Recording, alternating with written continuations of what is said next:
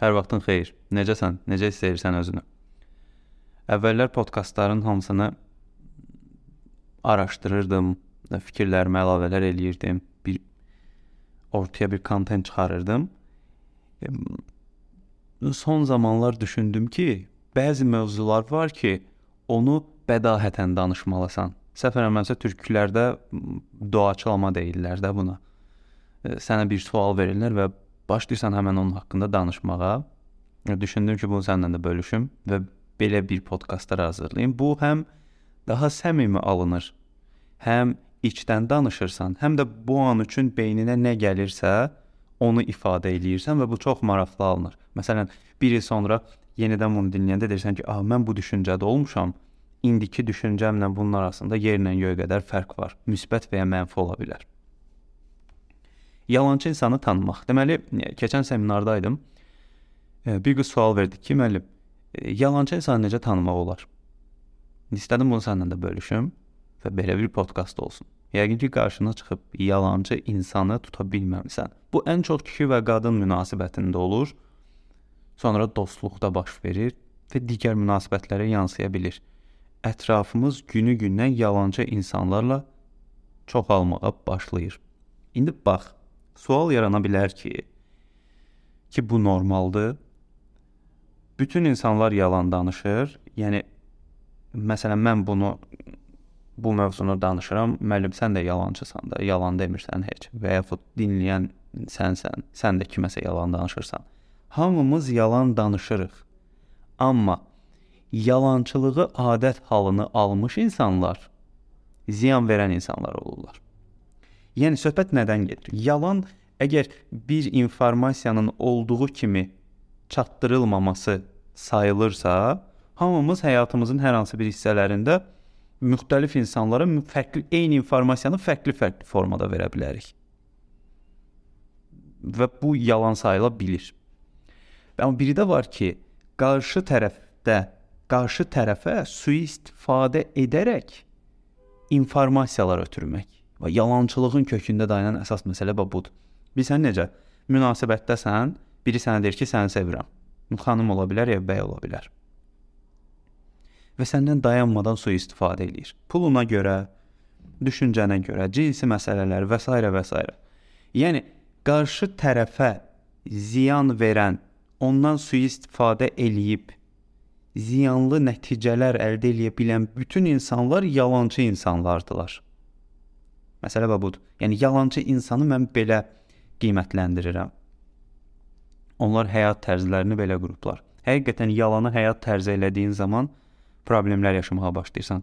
Keçən seminarda deyirdim. Deyirəm ki, çox sadə şeyləri anlamaq üçün və çox sadə şeylər haqqında geniş-geniş danışmaq üçün çox böyük mürəkkəblikləri analiz eləyib öyrənməlisən, öyrənməyə davam etməlisən. Həqiqətən mürəkkəblikdən çıxmalısan ki, çox sadə bir şeyi başa düşəsən. Məsələn, mən başa düşürəm ki, vətənpərvərlik yerə zibil atmamaqdan başlayır. Qışqıra-qışqıra danışmamaqdan, yerə tüpürməməkdən, başqasını narahat etməməkdən başlayır.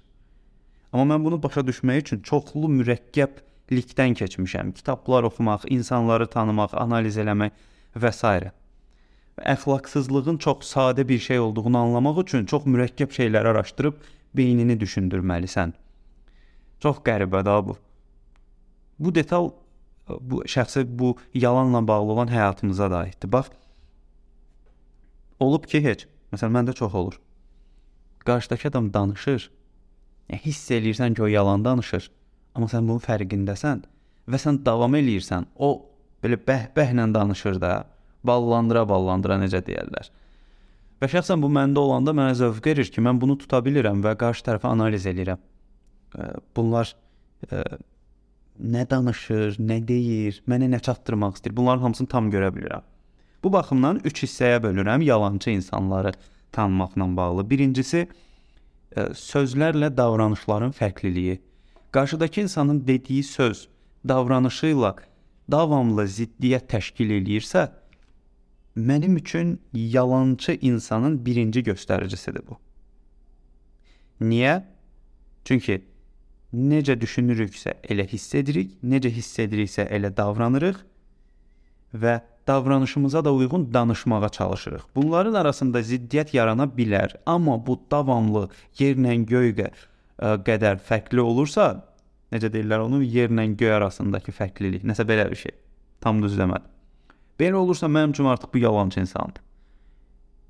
Daha doğrusu yalançı insanın birinci mərhələsidir. Bu bir. İkincisi, davamlı səndən hansısa formada istifadə etmə halı. Yəni pul, cinsi məsələ, sosial məsələ ola bilər. Məsələn, sənin sosial bir nüfuzun var, adam sənin yanındadır ki, ondan istifadə edib tramplin kimi artsın. Bu ola bilər və s. İstifadə halı. Qarşılıqlı olmur adətən bu proses. Yalançı insanlar e, sui-istifadə elədiyi zaman çox da qarşılıq eləmirlər. Qarşılıq verirmişlər kimi göstərirlər, amma qarşılıqlı olmur bu proses. Səndən də məsələn, əgər pulunu əlindən almaq istəyirsə, səni təsir altına salıb pulunu alacaq əlindən, amma bu qarşılıqlı olmayacaq. E, davamlı ə, e, sənə bəhanələr gətirəcək, yalan danışacaq və s. və s. Elə burdan da keçid eləyim 3-cü məsələ aslılıq halı. Yalançı insanlarda ən böyük olan detallardan biri qarşı tərəfi təsir altına salıb aslı vəziyyətə çevirməkdir. Aslı hala salmaq. Sən çünki aslı vəziyyətə düşdüyün zaman qarşıdakını tanıya bilmirsən. Onda mən belə bir şey deyə bilərəm ki, məsələn, yalançı insanı tanımaq üçün 1 ona diqqət elə, səni aslı hala salırmı? 2 ə, qarşılıqlıdır proseslər yoxsa tək tərəflidir, sən daha çox yüklənirsən. Və 3 dediyi sözlərlə davranışları üst-üstə düşür, yoxsa yox. Bax bunlar çox-çox vacib detallardan biridir. Bu mənim subyektiv fikirlərimdə bu arada. Hal-hazırda 31 yaşım var və 31 ildə əldə elədiyim məlumatlara əsasən deyə bilərəm ki, yalançı insanı bu üç tərəfdən mən baxdığımda ehtimallar eləyib ortaya bir nəticə çıxara bilirəm ki, hə, bu buna oxşuyur. Bir də məndə belə bir şey var, bunu sənə də deyim. Mən heç vaxt dəqiq bax budur demərəm. Bütün podkastlarımda demək olar danışıram. Ümumiləşdirmə, etiketləmə ən böyük problemdir. Mən heç vaxt demərəm. Bütün kişilər belədir, bütün qadınlar belədir. Bu səhvdir. Bunu demək üçün hamını, hamısını analiz etməliyəm. Mən görsən deyirəm subyektiv fikrimə görə, təcrübəmə əsasən, mən gördüklərimə əsasən deyirəm. Bu baxımdan həmişə də deyirəm ki, məsləhət vermək doğru deyil mən təcrübəmdən fikirlərimi bölüşə bilərəm. Məsələn, sən bunu dinləyirsən və bu sənin düşünməyinə, daha yaxşı düşünməyinə səbəb olursa, bu mənim üçün çox bir xoş hal alır. Və sən düşünüb özün üçün nəticələr çıxara bilirsən ki, a, bax burada belə bir şey var. Bu da var, əlavələri eləyirsən və yaxud sənin üçün doğru olmayan şeyləri çıxardırsan kənara, öz doğrularını qeyd eləyirsən. Görsən bu proses insanı daha yaxşı inkişaf elətdirir. Bax, ona görə Filan kəs dedisə yalançıdır. Bu filan şey dedisə yalançıdır. Bunu mütləq şəkildə deyə bilmərik, yanıla da bilərik. Ona görə ehtimallar yaranıb.